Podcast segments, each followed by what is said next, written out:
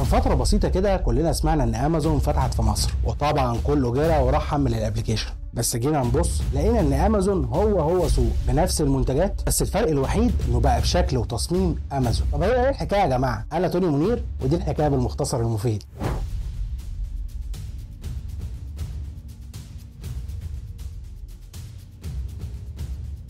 خلاص كلنا عرفنا إن سوق بقى أمازون بس مشروع إنك تنقل أمازون كلها عندك بسلطاتها وبابا غنوجها ما ينفعش يحصل كله مرة واحدة لأن المشروع ده مشترك بين شركة أمازون والحكومة المصرية. هتقول لي إزاي؟ أنا أقول لك كانت توجهات الرئيس في الأول مبنية على إنشاء جمهورية جديدة مربوطة كلها ببعض مش بس شبكة طرق ضخمة. كانت توجهات الرئيس اللي هي نربط الدولة كلها ببعض ربط إلكتروني وده هيكون عن طريق تقويه شبكات الإنترنت. ودعم تكنولوجيا الجيل الخامس وكل ده طبعا بدأ لما أطلقنا القمر الصناعي طيبة واللي حصل بعد انطلاقه ثورة في سرعه الإنترنت في مصر. المفروض أو تقريبا يعني هو النت عندنا اللي وحش. المهم لو جينا نربط بين توجه الدولة لتطوير السوق الإلكتروني وبين وجود أمازون داخل مصر هنلاقي إن تواجد أمازون في مصر بيخدم توجه الدولة لأن وجود منتجات بالحجم اللي هتوفره شركة أمازون في مصر هيساعد في تعظيم السوق الإلكتروني بشكل كبير جدا. ده غير الفوائد اللي هتعود علينا كمصريين من توفير سلع ومنتجات أجنبية بأسعار مناسبة جدا. وطبعا حاجة زي دي هتساعد في انتعاش الاقتصاد المصري بشكل كبير. الخلاصة وجود شركة أمازون مش هيكون مجرد بديل لشركة سوق. بالعكس وجود أمازون في مصر هيخلينا نجيب أي سلعة بكل سهولة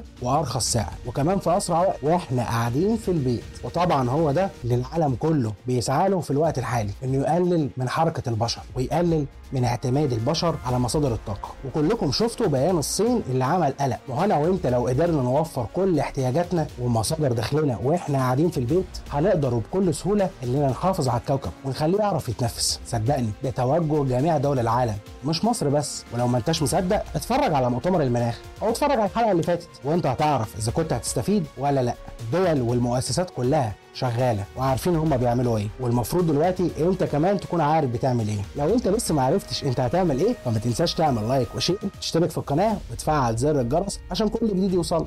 بس كده هي دي الحكاية بالمختصر المفيد. سلام.